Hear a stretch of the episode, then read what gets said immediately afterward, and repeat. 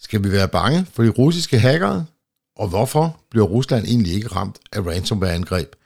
Det kan du høre mere om i denne uges udgave af Cyberværet. Velkommen til uge 23. Cyberværet med IT-sikkerhedseksperten Leif Jensen. IT-sikkerhedsvirksomheden ESET har netop udgivet deres T1 Threat-rapport for 2022, der dækker årets fire første måneder – Blandt andet viser rapporten, at på trods af effektive spamfilter, så er e-mail stadigvæk det foretrukne værktøj for svindlerne. I de første fire måneder blev der observeret en stigning i e-mail-trusler på hele 37% i forhold til de foregående fire måneder. Har du lyst til at læse den fulde rapport, så kan du finde den på www.welivesecurity.com. Nå, men til spørgsmålet, om vi skal være bange for de russiske hackere. Det korte svar, det er nej. Den lidt længere version, det er, at vi ikke skal være mere bange for russiske hackere end hacker fra alle mulige andre steder i verden.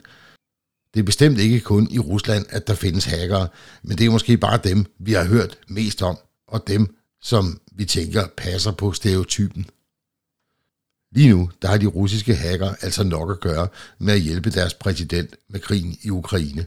Og de russiske virksomheder og myndigheder, ja, de har faktisk også nok at gøre med de mange ransomware-angreb, som nu er begyndt at ramme Rusland. Tidligere der har det været sådan, at rigtig mange ransomware-typer de er gået i en stor bue uden omkring Rusland. Blandt andet ved at teste, om der er russisk tastatur på den maskine, de nu er nået til. Men her i årets første fire måneder, der ligger Rusland paradoxalt nok nummer et på listen over mål for ransomware-angreb. Så nej, du skal ikke kun være bange for de russiske hacker. Du skal tage dig i jagt fra hacker og svindlere fra hele verden.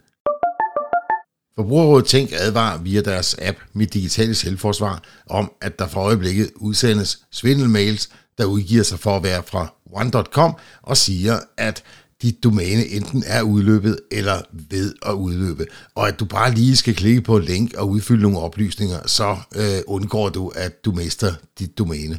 Det er klart, hvis man har et domæne hos one.com, så bliver man måske lidt utryg ved sådan en besked. Men som altid, når du modtager sådan en mail, så lad være med at klikke på linken. Gå i stedet direkte på hjemmesiden for udbyderen, i det her tilfælde one.com, log ind på din konto og se, hvordan det står til med dine domæner, og så slet bare mailen. Der er rigtig mange mærkelige ord og begreber i den her cyberverden. Cybersquatting, det er en af dem. Forbrugerrådet Tænk, de oplyser, at der for tiden udsendes svindelmails, der udgiver sig for at komme fra diverse regioner rundt omkring i Danmark. De skriver, at de har forsøgt at sende dig noget post, men at du ikke rigtig har læst det, og så er der en link, du lige kan klikke på. Det, der kendetegner den her link, det er, at domænerne, de ender altså ikke på .dk. Der er rigtig mange svindlere, som køber sig til domæner, der har dansk klingende navne, eksempelvis region-syd.com.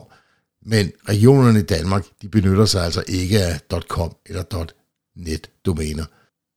Det er det, man kalder typo-squatting. Nu er den galt med hjemmesider, der sælger sko. Det oplyser Forbrugerrådet Tænk. Der er rigtig mange hjemmesider, hvor man godt kan blive fristet til at få et par mærkesko ekstremt billigt, men når noget det er så billigt, så er der måske en hage ved det. Det skal du i hvert fald være opmærksom på. E-mærket, de har lavet en browserudvidelse til Chrome-browseren. Den hedder Sikker Shopping.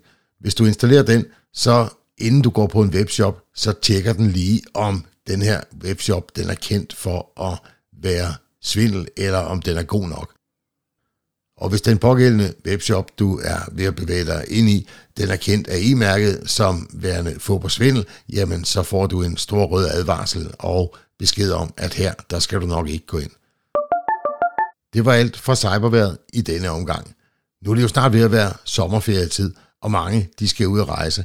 Så i næste uges udgave af cyberværet, der vil jeg kigge nærmere på nogle gode råd, så du kan få en sikker sommerferie. Ha' det godt, til vi høres ved igen. Thank you